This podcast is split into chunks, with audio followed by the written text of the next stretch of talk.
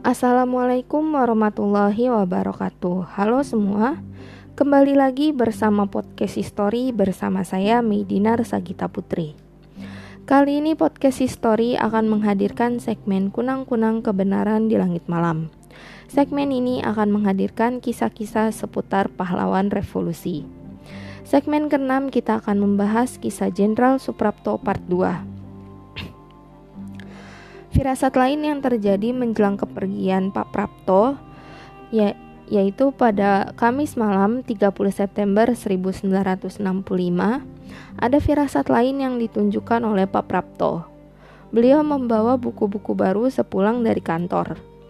Anak-anak beliau pun menjadi heran. Untuk apa tumpukan buku baru itu? Padahal sehari sebelumnya, Pak Prapto juga membawa buku-buku baru sepulang beliau dari kantor. Kemudian beberapa jam sebelum kejadian, Pak Prapto menunggu salah satu putri beliau untuk pulang ke rumah, yakni Ibu Sri Lestari. Pada saat itu Ibu Sri belum pulang ke rumah karena harus menghadiri acara pemberian penghargaan atas kemenangan beliau dalam satu lomba. Namun beliau terlambat pulang dan Pak Prapto menunggu kedatangan anak beliau sampai pukul 12 malam. Dan baru pada saat itu, Ibu Sri pulang dan Pak Prapto membukakan pintu untuk putrinya. Namun keduanya tidak terlibat percakapan apa pun. Kemudian firasat lain yang terjadi pada saat itu Bapak Suprapto tengah bersantai di kursi malas beliau. Namun saat anak-anak beliau berada di sekeliling beliau, beliau akhirnya menaruh kursi malas beliau di tengah sebuah kolam yang sudah tidak terpakai di rumah beliau. Beliau meletakkan kursi malas tersebut di tengah kolam dan berbaring di atasnya, seolah menunjukkan bahwa beliau sedang ingin sendirian. Kemudian sebelum peristiwa G30 SPKI terjadi, Pak Prapto berkesempatan untuk pulang kampung dan menjenguk ibunda beliau. Jenderal Suprapto merupakan anak bungsu dari 10 bersaudara. Sepulang tugas beliau pengarahan kepada Taruna Akabri di Magelang, beliau berkesempatan untuk kangen-kangenan dan tidur semalam di rumah ibunda beliau di kampung halamannya.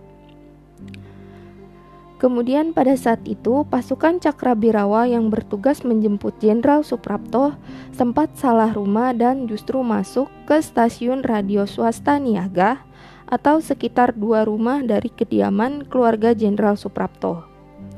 Akhirnya pasukan tersebut berhasil menemukan rumah beliau dari informasi seorang yang berada di sekitaran radio tersebut. Karena rumah Jenderal Suprapto tidak pernah ada penjagaan militer. Sepeninggal Pak Prapto, Ibu Suprapto menjalani peran sebagai orang tua tunggal bagi anak-anak beliau. Ibu Suprapto memiliki keahlian menjahit pakaian. Beliau pernah ditawari untuk bekerja di sebuah pabrik rajutan, namun beliau tidak dapat menerima tawaran tersebut dengan alasan kesehatan.